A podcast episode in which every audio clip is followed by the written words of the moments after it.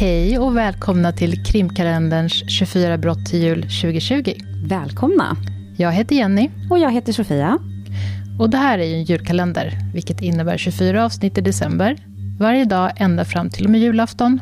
Och varannan dag så kommer Jenny berätta för mig om ett fall. Och varannan dag så kommer Sofia att berätta för mig. Och vi är ju riktiga true crime-nördar. Och därför kommer vi göra djupdykningar i varje fall. De fallen kommer vara alla möjliga slags brott. Mord, massmord, seriemördare och fall som inte innebär mord överhuvudtaget. Och är det jättehemska fall så kommer vi inleda avsnittet med en varning. Men kom ihåg att alla avsnitt handlar om brott som självklart kan anses vara hemska. Vi har även valt att använda citat på originalspråk om de är på engelska, för att man alltid förlorar lite av innebörden i en översättning och så tänker vi att Många av våra lyssnare säkert förstår engelska, men gör man inte det så behöver man inte oroa sig, för vi kommer alltid beskriva citatet på svenska också. Mm, och vi har ett Instagramkonto som heter Krimkalendern. Det tycker vi att ni ska följa, för där lägger vi upp bilder varje dag för varje fall. Eh, så in och följ. Mm. Och vi har ju kikat lite på möjligheten att göra det här till en betalpodd, eh, men vi har valt att inte göra det. Men vill man stötta så får man jättegärna göra det. Och då kan man göra det antingen genom att bli en Patreon. Och då går man in på patreon.com och söker efter krimkalendern. Man kan också swisha om man hellre vill göra det. Och det numret eh, finns på Instagram. Och det räcker ju liksom med någon tia, man behöver inte skämmas över det, mm. tänker jag säga. Utan många bäckar små helt enkelt och det hjälper oss jättemycket. Så det vill vi också passa på att tacka så mycket för, för er som har, som har swishat. Tack så jättemycket. Det är ni som har gjort det möjligt att vi faktiskt kan göra den här julkalendern. Verkligen. Men nu kör vi! Och idag så är det Sofia som ska berätta om ett fall för mig. Jajamän. Vill, vill du avslöja vad det handlar om? Några ledtrådar? Nope. Nej, okej. Okay. Eh, är du redo då? Jag är så redo. Då kör vi direkt. Den 16 februari 1953 så föds Christopher John Boyce i Santa Monica, Kalifornien i USA. Mm. Nej, det, det låter inte alls bekant. Nej, jag tittar lite nej, frågande nej. på Jenny här om ni undrar vad det är som händer. Nej. Mm. Han växer upp i en medelklassfamilj med åtta syskon i Palos Verdes, eh, en förmögen så här, kustort nära Los Angeles. Mm. Redan som ung utvecklar Chris något som av människor runt omkring honom kallas för en citat svart eller vit moralkodex. Okej, okay. han, han tänker antingen eller liksom? Ja, verkligen ja. mycket Gott antingen eller. Ja. Vilket är ett citat, vi lägger inget värde i det. Nej. Men det beskrivs då som någon slags kombination av hans mammas katolska övertygelse och hans pappas strikta konservatism. Okej. Okay. Hans klasskamrater skämtar om att Chris antagligen skulle bli den första amerikanske påven. Mm. Lärarna på skolan St. John Fisher säger att de aldrig sett en pojke med så mycket idealism. En källa säger dock även att Chris är sjukt intelligent med en IQ på 142 och att han är jätteduktig i skolan. Han gillar ämnet historia, blir framröstad till klasspresident. Mm. Och nu gör jag så här, uh, wink wink, så, för att jag vet inte riktigt class president eller någonting. Och jag vet inte riktigt vad det innebär. Om det är något så elevråd eller... Ja, typ klassens ordförande på något ja. sätt, jag vet inte. Ja, ja, men... Det är någonting bra i alla fall. Det, ja, det, det är någonting ja. bra. Han är kanske populär eller han är, har lite framåtanda eller vad man nu... Det, det säger ju någonting om honom, ja. trots att man inte fattar, fattar riktigt vad det är. Nej. Eh, men det verkar i alla fall då som att han är duktig och omtyckt. Sen går Chris vidare till Palos Verdes High och i samband med det börjar han ifrågasätta sin katolska tro. Han går med i de många grupper som är emot Vietnamkriget och eh, så anammar han ett nytt intresse, falkenering. Mm.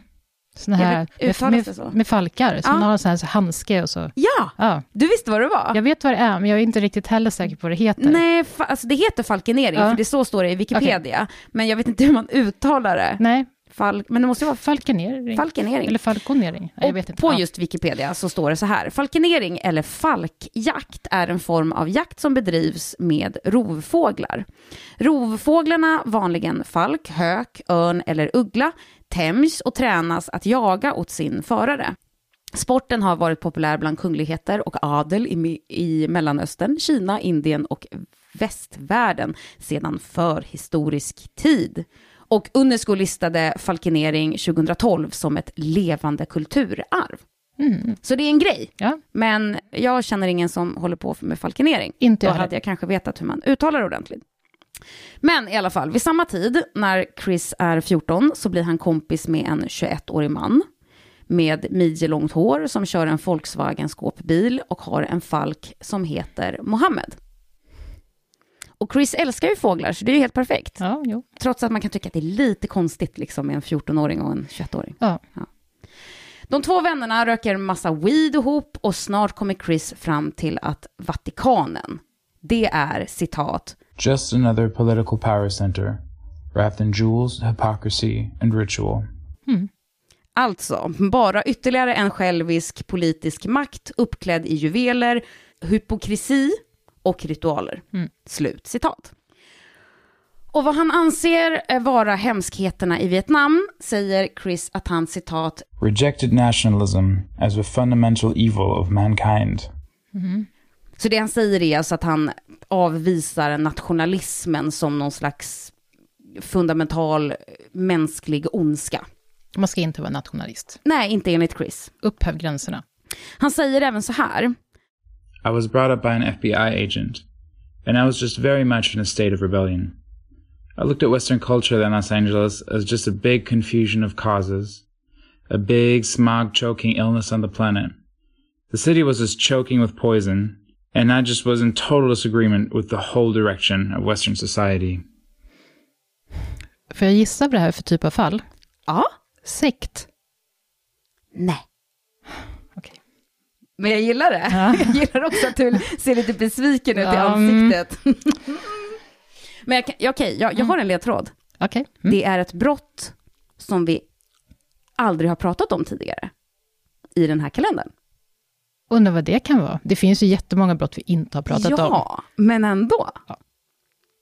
Vad spännande. Nu måste du fortsätta berätta. Nu måste jag fortsätta, men innan jag gör det så ska jag eh, sammanfatta vad han säger på svenska också. För han säger så här. Jag var uppfostrad av en FBI-agent och var i ett rebelliskt läge. Jag såg på den västerländska kulturen i Los Angeles som en enda förvirrad röra, en stor kvävande smogsjukdom på planeten. Staden kvävdes av gift och jag var helt emot det västerländska samhällets riktning. Eh, en upprörd ung gosse. Verkligen. Några år efter att vännerna lärt känna varandra så dör den här 21-åriga mannen. Han med Mohammed. Ja, han med Mohammed. Antagligen är han inte 21 längre då, med tanke på att de har varit vänner några år. Men han, han dör alltså i en brand när den hascholja han tillverkade tände på, Usch då. säger Jenny och skrattar. Nej, förlåt. Usch. Hemskt. Men eh, Chris får en ny bästa kompis, den ett år äldre Andrew Dalton Lee. Alltså mer jämnårig den här gången. Andrew är smart, men gillar inte skolan. Han har allvarlig akne som varar ända in i vuxen ålder. Han kommer inte bra överens med sin adoptivpappa som är läkare och före detta krigshjälte. Och så älskar han djur. Han äger bältdjur, pirajor och rovfåglar inklusive falkar. Så ja, man kanske kan förstå varför Andrew och Chris kommer bra överens. Mm. Andrew gillar också att eh, både använda och sälja kokain. Förutom till tjejer då som får kokain gratis. Mm. Tills de blir beroende för att då börja byta kokain mot sex. Mm. När Andrew går ut high school, och det är ju typ gymnasium, så drar han in flera hundra dollar i veckan och blir nu, när skolan är slut, eh, droghandlare på heltid. Mm. Och det är ganska mycket. Det var ju typ 1970 eller något sånt. Mm, precis. Jag har inte riktigt koll på vilket årtal det är. Eh, annars har jag de kommande liksom, summorna så har jag översatt till vad det är, typ svarar till i svenska kronor idag. Men absolut, det är ju, jag kan ta en liten, för jag har faktiskt de sidorna öppna. Det är 681 dollar. Du ser. Typ Ja, det är 6 6 000 100 kronor. Ehm, I- och jag tar in, drar in det på, i veckan. Ja. Som en extra grej för en plugga. Ja, som väl? man inte Eller betalar eh, skatt på. Skatt på. Nej. Det är helt okej. Vid det här laget så har Chris börjat sitt sista år på high school, för att han var ju ett år yngre då än Andrew. Eh, och varje månad så tar han och Andrew en tur över till öknen där de röker weed och flyger med falkar. Mm. Chris vill ha högt betyg och examinera med bottenbetyg. Mm. Han eh, börjar på Junior College, vilket är en tvåårig collegeutbildning som främst vänder sig till studenten som bor typ i närområdet. Till skillnad från det man kallar college, som ofta kanske är treårig utbildning. Till skillnad från universitet som har en högre utbildningsgrad. Jag har läst på det här då, för att jag fattar inte skillnaden mellan college och university. Inte jag heller helt. Måste man gå på college för att sen gå... Nej, Nej. så här. Jag kan faktiskt hitta det igen så att jag återger det korrekt. Mm. Det har att göra med vilken degree man kan ta. Mhm. Så att de kanske har bara bachelorutbildningar på college och så har de kanske doktorandutbildningar på university. Annars så är det ju, men ofta så kan man ju ta bachelorutbildningar på universitet också. Också? Ja. Ja. Men det är liksom, det är oftast så är det det som är skillnaden. Men sen så finns det det här som Chris då gör. Men är det så också att det är typ det enda han kommer in på? Om man Jag vet inte, jag Nej. tror att han är skoltrött. Ja, mm. Han verkar ju ha mer liksom, politiska åsikter och, och tankar och sånt, men jag vet inte. Um, men ho- eh, oavsett då, så här, jag hoppar tillbaka lite i mitt manus. Han börjar på Junior College, vilket är en tvåårig collegeutbildning som främst vänder sig till studenter som bor i närområdet. Han börjar på eh, Jesuit Loyola University, vilket är enligt sin hemsida eh, så här ett katolskt universitet med etiska och andliga värderingar centralt liksom. Mm. Eh, men oavsett, eh, 1973 så kommer Chris fram till att han är agnostiker och hoppar av skolan. Samma höst börjar han istället på California Polytechnic State University. Polytechnic? Tekniskt? Nej, Ja. jag vet inte. Nej, gud, jag vet inte. California Polytechnic State University. Jag vet inte om du uttalar så. Det är där en av anledningarna till att vi kör de här robotrösterna, eh, Ja. för att jag är så dålig på att uttala engelska. Usch. Men eh, han går ett annat universitet som då alltså inte kanske har samma kristna värderingar som ligger till grund då. Och för att det ligger vägg i vägg med Falkreservatet. Mm. Mm. När Chris tänker på möjliga karriärer för sig själv så fantiserar han om att resa över världen som en fågelexpert. Men han hoppar även av det här universitetet inom ett år och hans pappa kliver nu in för att rätta upp på den nu 22-åriga Chris liv. Chris pappa är som det här citatet avslöjade tidigare eh, en före detta FBI-agent men jobbar nu som säkerhetsexpert för en flygplanstillverkare. Han lyckas via sina kontakter fixa jobb åt Chris som en telexoperatör på TRW Incorporate i Redondo Beach i Kalifornien. Och jag har lite svårt att greppa exakt vad det här företaget gör. Men det beskrivs hur som helst som typ en försvarsentreprenör. Mhm. Och här får alltså Chris jobb som någon slags kontorsråtta. Men de är en entreprenör till typ USAs säkerhetsmyndigheter. Okej. Men han har ju inte kanske jättesexigt yrke, utan sitter mest och vänder papper och så. Men inom kort så klarar Chris av någon anledning en bakgrundskontroll. Kanske för att hans pappa ju är en före detta FBI-agent och så. Eh, men han klarar i alla fall den eh, och får en så kallad Secret Security Clearance. Alltså godkännande för att se hemliga grejer. Och det här leder till att Chris blir omplacerad till ett mystiskt rum på TRW som kallas The Black Vault, eller det svarta valvet. Chris får reda på att TRW bygger hemliga underrättelsesatelliter åt CIA. Och de här satelliterna skickar information till en station i Pine Gap i Australien. Och i utbyte mot att man får använda sig av den aus- australiensiska anläggningen delar USA med sig av all information de har med den australiensiska underrättelsetjänsten. Okej. Och Chris jobb är att dekryptera informationen och skicka vidare den till CIA. Okej, så att han kan få läsa allting helt enkelt. Ja.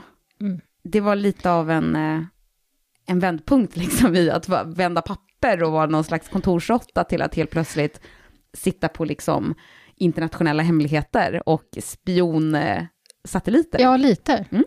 En bra karriär. Medan Chris fått nytt jobb i Svarta valvet så har Andrew gått över till att även sälja heroin. Han åker dock fast och åker in i fängelse. Och i fängelset så knyter han nya användbara kontakter, bland annat med den mexikanska maffian. Så när Andrew kommer ut ur fängelse börjar han agera mellanhand genom att köpa heroin från den mexikanska maffian och sen sälja den med vinst till amerikanska droghandlare. Så nu är han liksom lite högre upp i den hierarkin, Ja. precis som Chris är högre upp i En annan hierarki. en annan ja. Man kan eh, avgöra när Andrew just gjort en tripp till Mexiko, för då slår han alltid till med stor fest i Palos Verdes med massvis av heroin och i slutet av 1974 blir Andrew beroende av sin egen vara. En dag på jobbet i januari 1975 så får Chris reda på att CIA använder sina hemliga satelliter för att spionera på Kina, Sovjet, Frankrike och Israel. Alltså allierade. Ja. Och jag säger Sovjet för att 1975 så var det ju, var det ju Sovjet. ja, precis. Och det här är information som Chris inte tycker om överhuvudtaget. Han är ju som vi vet politiskt engagerad eller har politiska åsikter i alla fall. Så på det sättet engagerad. Och än värre så är det här information som USA döljer för Australien. Och det skulle de ju inte. Nej, de, de hade ju en deal att de skulle dela med Ja. sig. Och därmed lever de ju liksom inte upp till det. Nej. Dessutom så använder CIA satelliter för att spionera på Australien. Nej. Oj, är det här fallet på riktigt? Ja, Det var det värsta. och jag sitter ju inte här och hittar på någonting. Eventuellt att mina källor har hittat på någonting, men det tror jag inte. Sen kommer nästa grej. Chris läser en krypterad diskussion om hur CIA ska infiltrera en australiensisk fackförening. Mhm. De ligger ju liksom inte i krig, eller Nej, de är ju ingenting. nej. Så varför skulle de... Högst oklart. Ja. Mm. Och Chris är ju lite av en rebell redan, så att det är klart att det här går han igång på. Han är jätteupprörd. Och han säger så här. I concede I was naive that allies deceive each other every day, but still I was disgusted. Without giving it the deliberation it deserved, I decided to do as much damage to the American intelligence community as I could possibly do. på svenska då. Jag medger att jag var naiv. Att allierade bedrar varandra säkert varje dag, men jag var fortfarande äcklad. Ute och ge det liksom den överläggning det förtjänade så bestämde jag mig för att göra så mycket skada på det amerikanska underrättelsetjänsten jag bara kunde. Mm. Och hur ska han göra det, tänker du? Mm.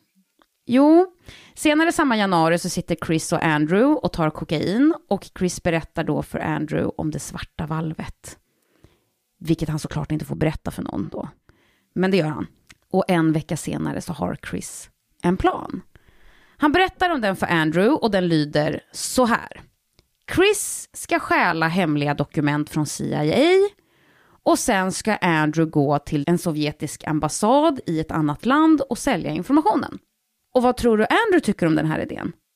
Jättebra. Jättebra! Ja, han får ut och resa. Jag får ut och resa och tjäna pengar. Men två månader senare, i mars, så säljer Andrew kokain till en polis. En undercover-polis. Oj då. Och det har jag lite svårt att översätta. Alltså en civilklädd polis är ju inte samma sak som Nej, en undercover-polis. Men jag tänker, alla fattar kanske vad man Ja, säger. det, jo, det förstår man ju. Men jag tänker att det måste heta någonting. Jag försökte hitta. Men, ja, Översättningen blir civilklädd. Men det är ju inte samma sak. nej. Han åker i alla fall fast då såklart. Han betalar borgen och kommer ut i april. Hans försvarsadvokat informerar honom om att han eh, kan eh, lyckas skjuta lite på rättegången, men så småningom så skulle han med största sannolikhet få ett långt fängelsestraff. Vad gör Andrew? Han flyr till Mexiko. Ja, Och med sig har han hemliga dokument som Chris har stulit från sin jobb i det svarta valvet. Väl i Mexico City så snortar Andrew lite kokain för att få mod. Och sen promenerar han in på den sovjetiska ambassaden och informerar dem om att han har information om spionsatelliter. Och det ger honom ett möte med KGB-agenten Vasily, där Andrew berättar mer. Han säger att han har en socialistvän som jobbar för den amerikanska regeringen och att hans vän bestämt sig för att hjälpa Sovjet genom att ge dem amerikanska försvarshemligheter och att han förväntar sig att bli rikligt betalad för informationen. Sen ger Andrew Vasily dokumentet som han bar med sig från Chris. Och i utbyte så får Andrew 250 dollar och lite vodka. Gav honom alltid... och det är ungefär 10 000 svenska kronor då i svenska kronor. Och då sålde han allt I han dagens hade? penningvärde. Han fick vodka också. Ja, ja. Och innan de skiljs åt så bokar de ett andra möte till den 23 april. Så det behöver ju inte vara en, en grej. Det är ju roligt. Det är ju lite Ja, roligt. mm. Men det kan ju också vara att Vasilij inte hann liksom verifiera att det kanske var på riktigt. Och då, liksom, då är det här kanske mer ett smakprov för eventuell ytterligare information senare. ja, en liten handpenning liksom. mm, precis. Eh, En fråga. Mm.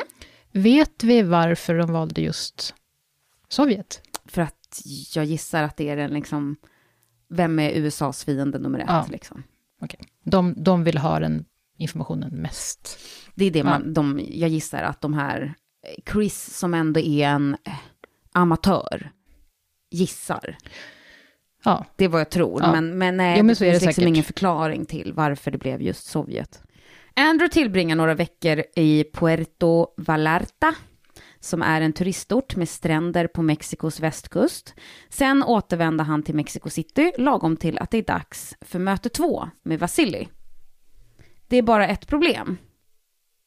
Andrew har ju liksom inga nya dokument den här gången. nej, han gav ju, han gav ju bort alltihop. Ja, han sålde ju det. Ja, Så han försäkrar Vasilij om att eh, han kommer börja leverera fler dokument inom kort.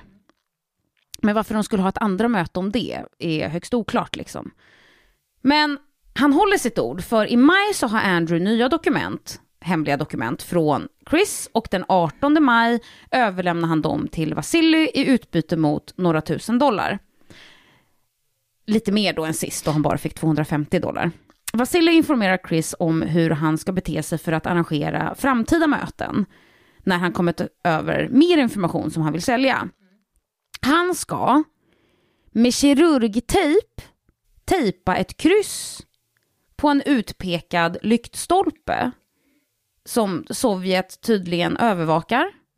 Och sen ska de träffas dagen därpå klockan 18.00 på en plats som de bestämt på föregående möte. okej. Mm. Och i juli så ger Andrew Vasily 20 sidor hemlig information och i utbyte så får han mer pengar. Och sammanlagt så har Chris och Andrew nu fått in runt 10 000 dollar från Sovjet för de här hemliga dokumenten, vilket motsvarar ungefär 400 000 svenska kronor i dagens penningvärde. Efter varje möte så använder Andrew sin del av pengarna till att köpa droger från den mexikanska maffian som han sen säljer till amerikanska droghandlare. Alltså samma sak som han gjorde innan han åker fast. Men jag gissar att nu har han ju lite mer pengar att röra sig med. Ja. vilket ju Han- genererar fler pengar i ja, andra änden. precis. Under ett möte med Vasily i september är Andrew full och berättar allt för Vasily om Chris. Som ju hittills har varit anonym. Ja. Hans namn, Mhm. vem han är, var han jobbar och ja, allt sånt. Så nu är Chris inte hemlig längre. Han får ett täcknamn. Cristobal. Ja. Och en Columbus förkortning, eller? Nej, en, en förkortning av det skulle ju kunna vara Chris. Chris. Bra tecknamn. Jag fattar inte, det är... Ja. Väl tillbaka till Palos Verdes eh, så börjar Andrew hinta till sina vänner att han säljer hemlig CIA-information till Sovjet. Oklart varför, kanske för att typ framstå häftig eller någonting, att han liksom, att han skryter om det. Oavsett så antar Andrews vänner att han ljuger och att han har mindervärdeskomplex och försöker, och försöker just hävda sig. Så det är de... Vi vet inte varför han säger det, men oavsett så, så tror inte folk Nej. honom. Liksom. I november så ger Chris Andrew fyra rullar film som han säger kan vara värt 50 000 dollar. Och det är ju två miljoner svenska kronor i dagens penningvärde. Och Andrew flyger till Mexico City och tejpar ett kryss på lyktstolpen. Och nästa dag så dyker ingen upp klockan 18 som avtalat. Nej. Nej. Andrew har tejpat på fel lyktstolpe. Mm. Andrew har av KGB blivit förbjuden att komma till den sovjetiska ambassaden. För där ska ju allt bara vara vitt. Det ska ju liksom inte... Där ska man ju inte hålla på med spioneri. Nej. Nej. Men dagen efter så går han till den sovjetiska ambassaden och kräver ett möte. Men kan han inte klistra på rätt? Eller han kommer inte ihåg vilket det är? Nej, Han antagligen vet inte. Nej. Han tycker bara att det är konstigt att de inte dyker upp för det här. Jag vill ju sälja de här filmerna och få pengar så att jag kan köpa mer droger. Alltså. KGB är väl eh, måttligt imponerade av Andrew, men de vill ju också gärna ha den hemliga informationen, som de nu antagligen har verifierat faktiskt är värd någonting. Vilket ju också speglar att de får lite mer betalt. Så de går med på att köpa även filmrullarna. Väl framkallade så märker de att bara några av negativen föreställer hemliga dokument och de flesta andra föreställer nakna kvinnor. Mm. Och det är ju inte Andrew utan Chris som har fotat. Och Andrew försöker typ förklara för KGB, alltså Chris måste ha försökt att skoja till det lite bara. KGB-agenten är nu varken imponerad av Andrew eller Cristobal. Nej. De betalar Andrew 6 500 dollar och Andrew lämnar ambassaden. Och 6 500 är ungefär 260 000.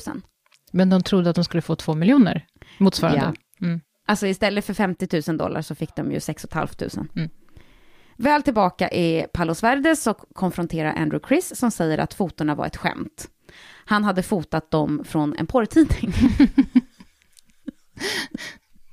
Ja, vi tycker att det är roligt, men frågan är om han tyckte det. Och Andrew är såklart skitsur på Chris. Ja. Men han måste ändå erkänna, ansiktsuttrycket på KGB-agenterna var ovärderliga. I december så är Andrew ute och kör när en polis plötsligt försöker stanna honom för att han har en baklykta som är sönder.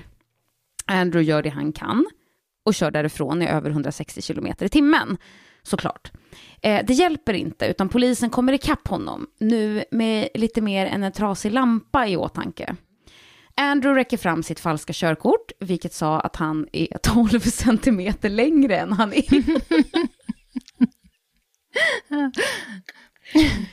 Polisen köper alltså inte Andrews falska körkort.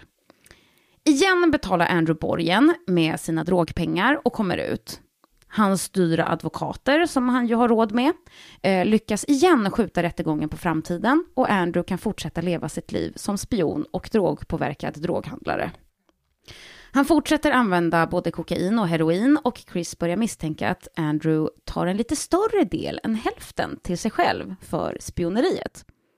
Och Chris har helt rätt.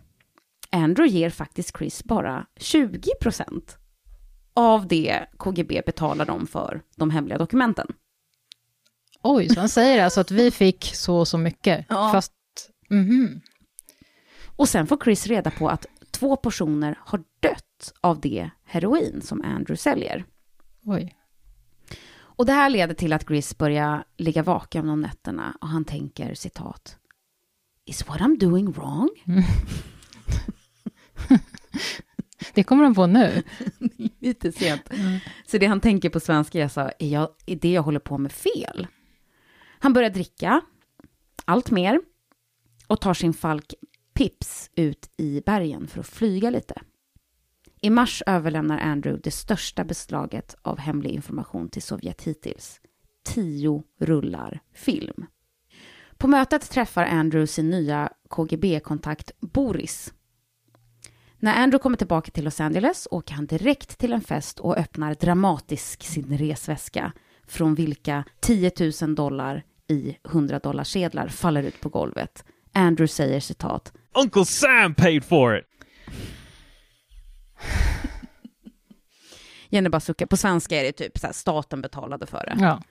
Vid nästa möte månaden efter så ger Andrew Boris och andra agenter en hel trave dokument med information om bland annat en amerikansk ubåt som spionerar på sovjetiska missiltest vid Nordpolen. Och för det här kräver Andrew Sovjet på 50 000 dollar. Det var ju det som motsvarade 2 miljoner svenska kronor. Han poängterar att han ju faktiskt riskerar sitt liv på det här och inte får nog med betalt. Han säger, citat, If you don't like the information and don't start paying more, we'll sell it to the Chinese. alltså om ni inte gillar informationen och inte börjar betala mer så säljer vi det till kineserna istället. Och KGB-agenterna sitter tysta ett tag innan en av dem frågar Andrew, You don't carry a gun. alltså, du bär inte vapen. Andrew fattar vinken. Det där var ett hot. Han är nu rädd, men eh, känner fortfarande att han är den som har överhand. Så han säger att han åtminstone ska ha 10 000 dollar för informationen. Han går alltså från 50 till 10. Och Boris betalar 10 000 dollar till Andrew. Vid nästa möte i juni så bemöter Sovjet Andrew med kyla. I juli, en månad senare alltså, så blir Andrew gripen för att köra bil alkoholpåverkad i Palos Verde. Igen betalar han borgen med sina drogpengar. Men nu börjar Andrew bli pank. Han har spenderat alla pengar och han har nu ett gäng kommande rättegångar. Han gör en plan. Han ska spara sina pengar under några månader och sen lägga alla de sparade pengarna på en sista stor droghandel. Tjäna massa pengar på det och sen flytta till Costa Rica. Samtidigt så har Chris nu kommit fram till att han vill dra sig ur. Han vill inte hålla på med det här längre. Han börjar leka med tanken att ta med Andrew ut i öknen och döda honom där. Varför då? Jag vet inte. Alltså göra sig av med typ ett vittne liksom. Och är inte De det är lite, kompisar. Ja, och det är lite mot hans moral, tänker jag. Ja, alltså, och samtidigt så blir jag så här, verkligen, verkligen. Men också, han har kommit på att Andrew, eller han misstänker att Andrew tar mer pengar och Ja, han tycker det. att han är knepig, men alltså döda honom är ju lite väl. Lite väl. Han är ändå liksom, alltså han jobbar ändå på ett kontor och, och dekrypterar information. Han är ju liksom ingen maffiaboss direkt. Nej. Kan det vara för att han, ingen ska kunna komma på honom? Ja, men det måste det vara, men jag tänker ju också att han verkar ju också hålla på med droger, visserligen. Men den som känns kanske lite mer stökig, som skulle kunna göra någonting så dumt, är ju Andrew. Ja, verkligen. Jag vet inte, men det var det källorna sa. Han kommer i alla fall fram till att det inte skulle lösa hans problem trots allt, så han låter bli. Phew. Istället kommer han på en annan plan. Han ska nu själv träffa sovjeterna. Mm. För hittills är det ju bara Andrew som har haft kontakten och till en början så visste ju inte sovjeterna var informationen kom ifrån. Eh, sen så pratade ju Andrew bredvid mun då när han var full och allt vad det nu var.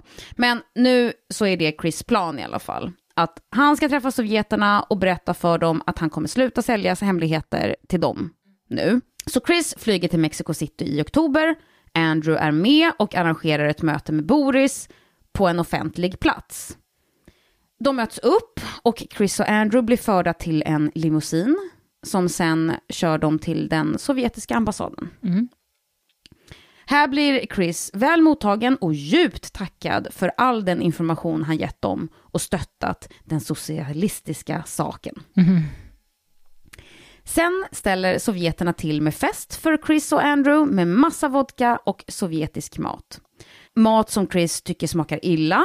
Så illa att han börjar fundera på om den möjligtvis är förgiftad. Då är det illa. Boris ställer frågor till Chris och vill ha detaljer om det svarta valvet. Men de fick aldrig igång något ordentligt samtal för Andrew är jättefull och avbryter dem hela tiden. Och till slut så blir Boris så pass irriterad att han, att han börjar bråka med Andrew. Men när stormen har lagt sig lite då, så föreslår Boris att Chris ska göra en sista leverans av hemlig information i januari. sen säga upp sig på TRW, alltså det här företaget han jobbar för då, och att Sovjet sen ska betala en collegeutbildning för Chris. Och syftet med det här är att med en collegeutbildning ska Chris sen kunna få jobb hos CIA, vilket är den amerikanska hemliga underrättelsetjänsten, och där kunna bli en sovjetisk infiltratör. Mhm, jag förstår. De ska bara fortsätta jobba med honom fast på en annan tjänst. Ja, alltså. Chris meddelar att han vill dra sig ut och Boris svarar med ett förslag om att han ska involveras ännu djupare. Mm. Ja. Och Chris, han tycker att ett stipendium och en gratis utbildning inte låter helt fel. Nej. Han tänker att han säkert kan dra sig ur dealen så snart han har fått sin examen. Så han tackar ja. Mm, klokt. Och när han kommer hem från Mexico City börjar han skicka ansökningar till olika college. Andrew däremot, han blir mer och mer oväsentlig i sammanhanget.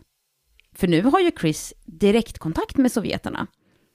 Chris ska sluta smuggla ut hemlig information och Andrews inkomstkälla kommer försvinna. Och han behöver ju pengar nu, mer än någonsin. Han ska ju flytta till Costa Rica. Ja, han skulle spara ihop i några månader och sen... Ja. Så han blir liksom lämnad lite vind för våg. Vilken osis. Verkligen. Han plockar fram några filmrullar som han har fått från Chris några månader tidigare, åker tillbaka till Mexico City och för att sälja dem till sovjeterna. Och det här är ju intressant, för nu när de har direktkontakt med Chris, så har det ju, de, det är ju snack om liksom den sista stora leveransen. Och nu helt plötsligt kommer Andrew och bara, men jag har lite grejer. Bara, men vad är det? Ja, han försöker ändå. Och han ska ju liksom inte, han ska ju inte dit förrän de har den här sista Nej, leveransen. nej. Så de förväntar sig ju inte Att han någon leverans nu. Nej. Eh, han tejpar i alla fall ett kryss på den här lyktstolpen och väntar på Boris klockan 18 nästa dag, men Boris dyker inte upp. Så Andrew går in i ambassaden. Precis det sovjeterna sagt åt honom flera gånger att inte göra, så Boris blir vansinnig.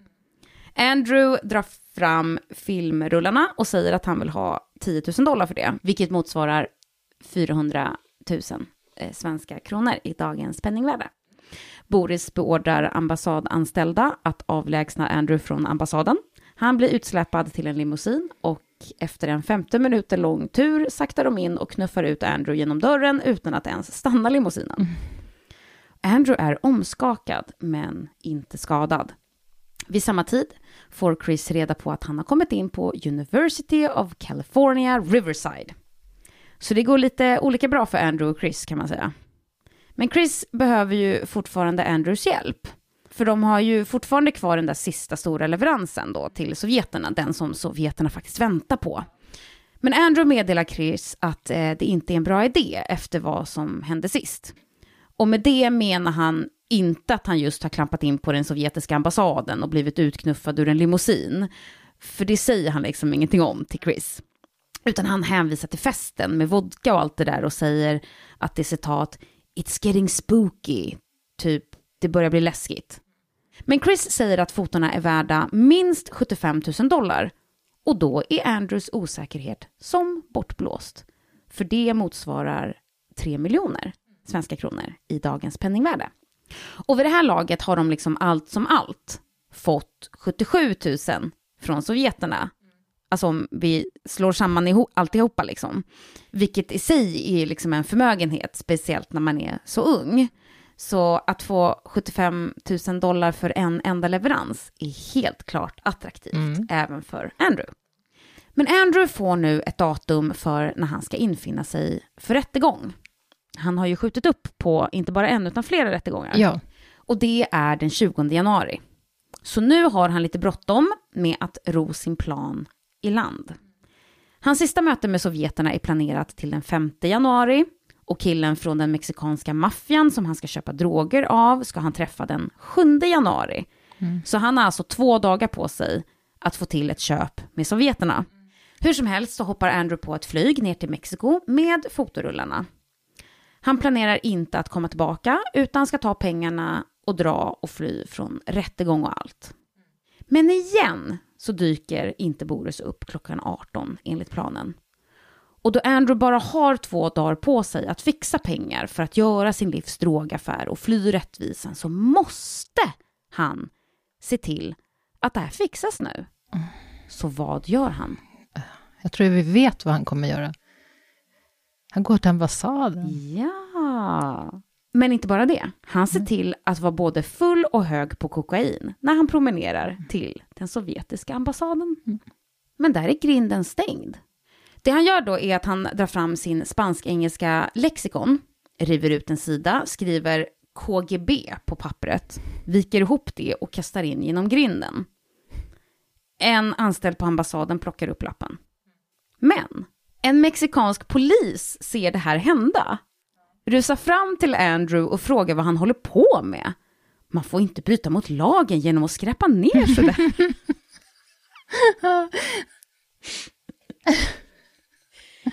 Andrew urskuldar sig. Han säger att han är amerikansk turist och att han bara slängt lite skräp.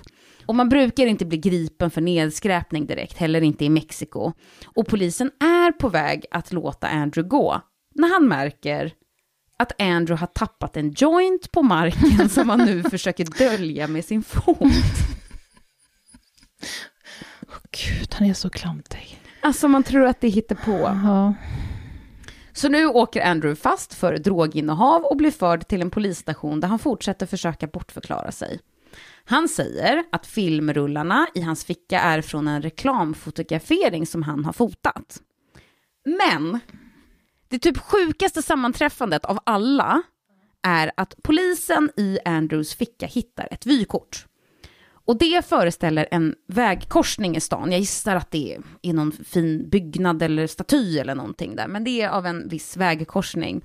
Och precis i den vägkorsningen har en vecka tidigare en mexikansk polis blivit mördad av mexikanska kommunister.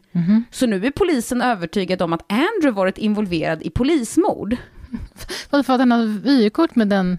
Ja, alltså, de tar det som ett hån. Ja, aha. Alltså, jag vet inte om de på riktigt tar det som att han är involverad, för det låter ju jättelångsökt. Men om inte annat, liksom, aha, har du gått och köpt ett vykort På den här av den här platsen? platsen, liksom, just på grund av eh, polismordet och inte av någonting annat.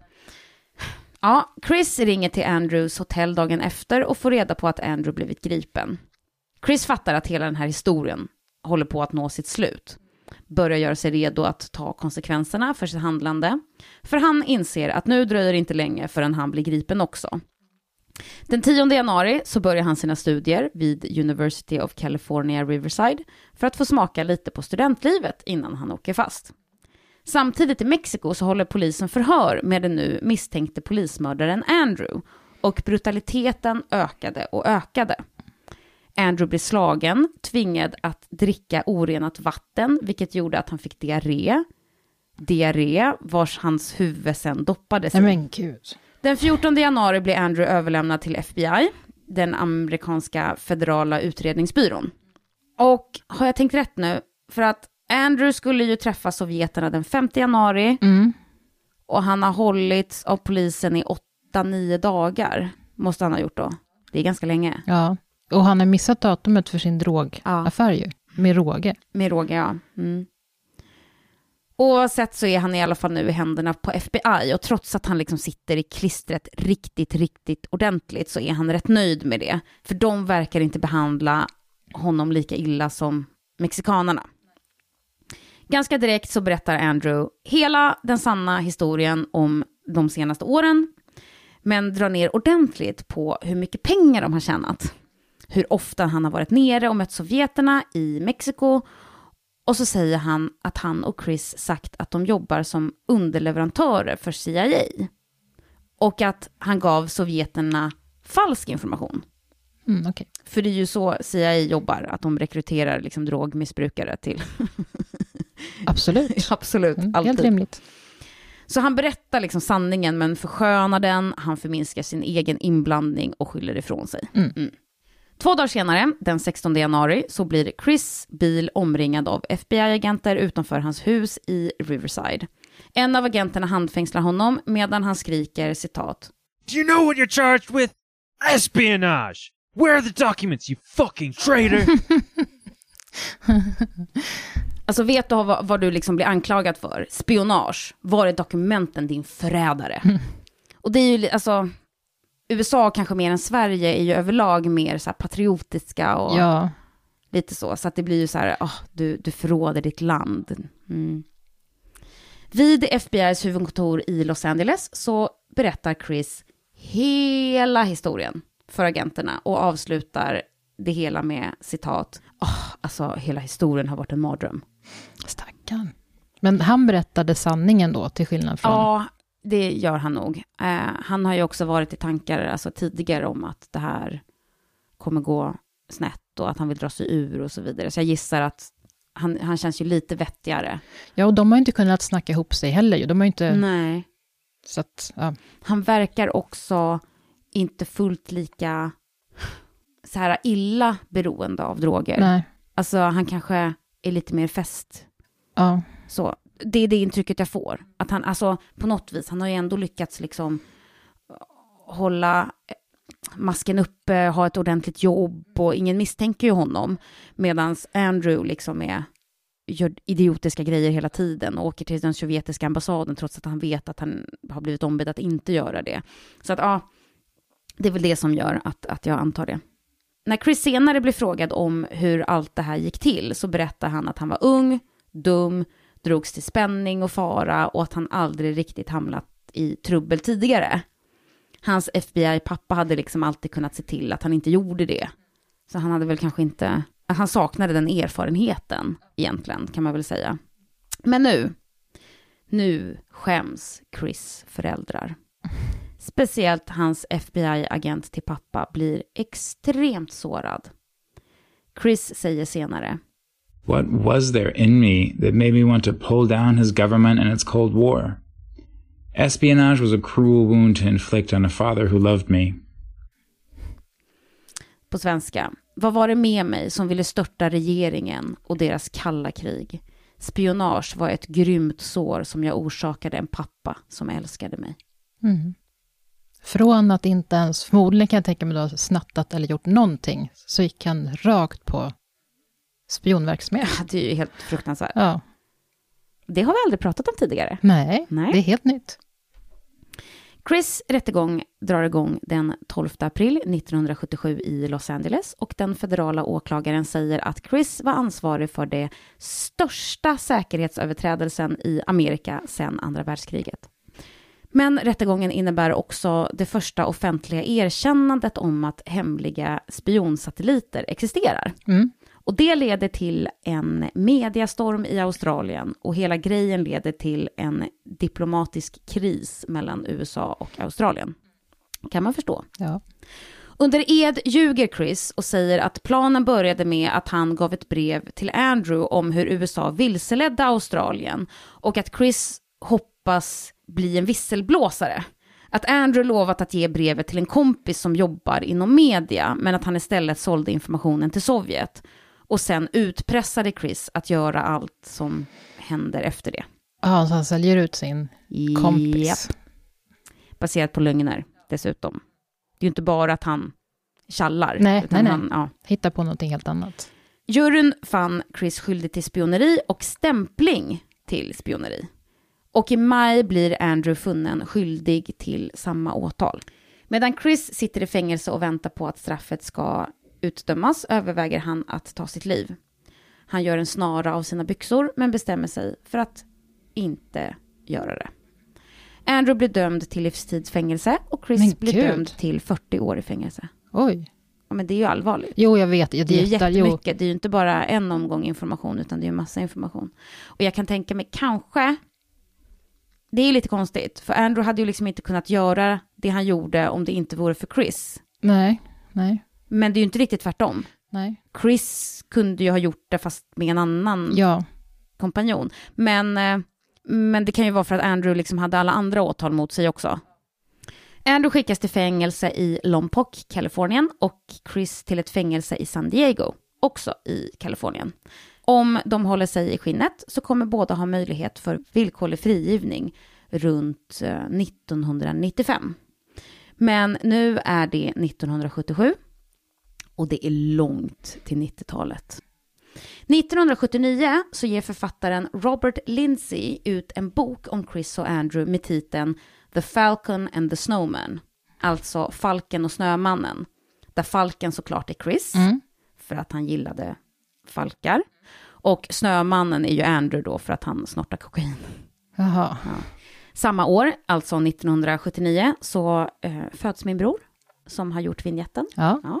Men också så blir Chris förflyttad till Lompoc-fängelset, alltså samma fängelse där Andrew sitter.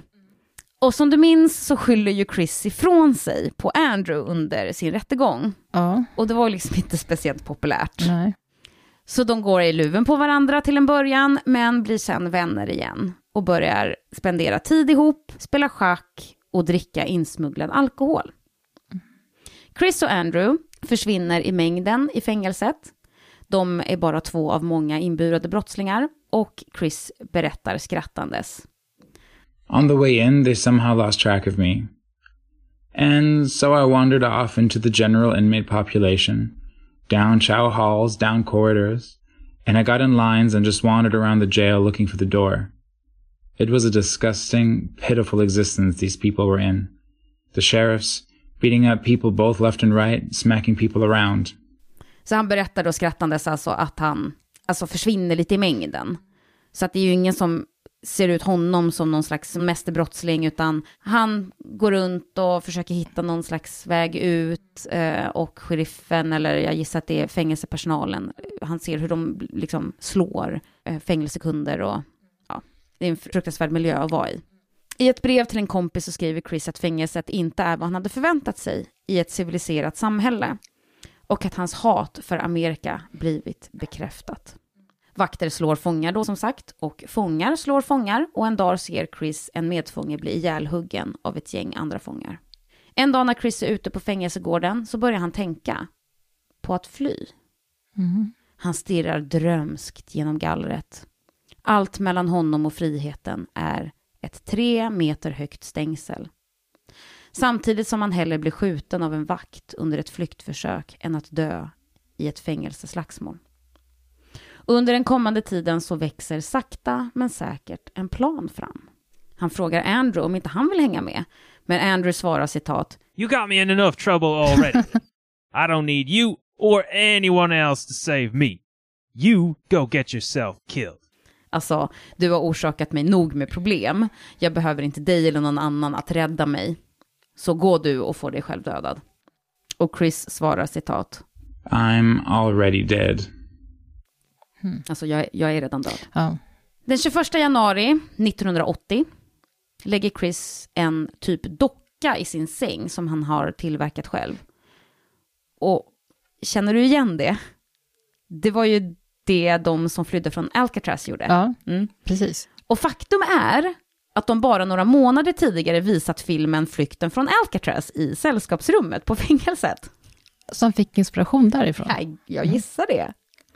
För visst var det de som sydde liksom båtar och Mm. regnjackor och... Mm. Ja, Och de gjorde ju typ så här i papier-maché är det väl? just det. Så gjorde de ju ansikten och sånt. Just det. Och så var det en av dem som skulle med som... Alltså nu kommer jag på hela den där Ja, historien. Men en ja. av dem som... De hade murat för, eller han, liksom, han kom inte igenom. Han kom inte igenom, nej. Nej, han blir lämnad kvar. Ja. Mm. Mm.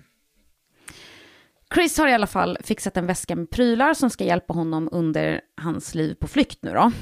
Och det består av en träbit, en sekatör, en burk vaselin och en tandborste fäst till ett kvastskaft att gräva med. Ska han, gräva med tam- ska han gräva med en tandborste?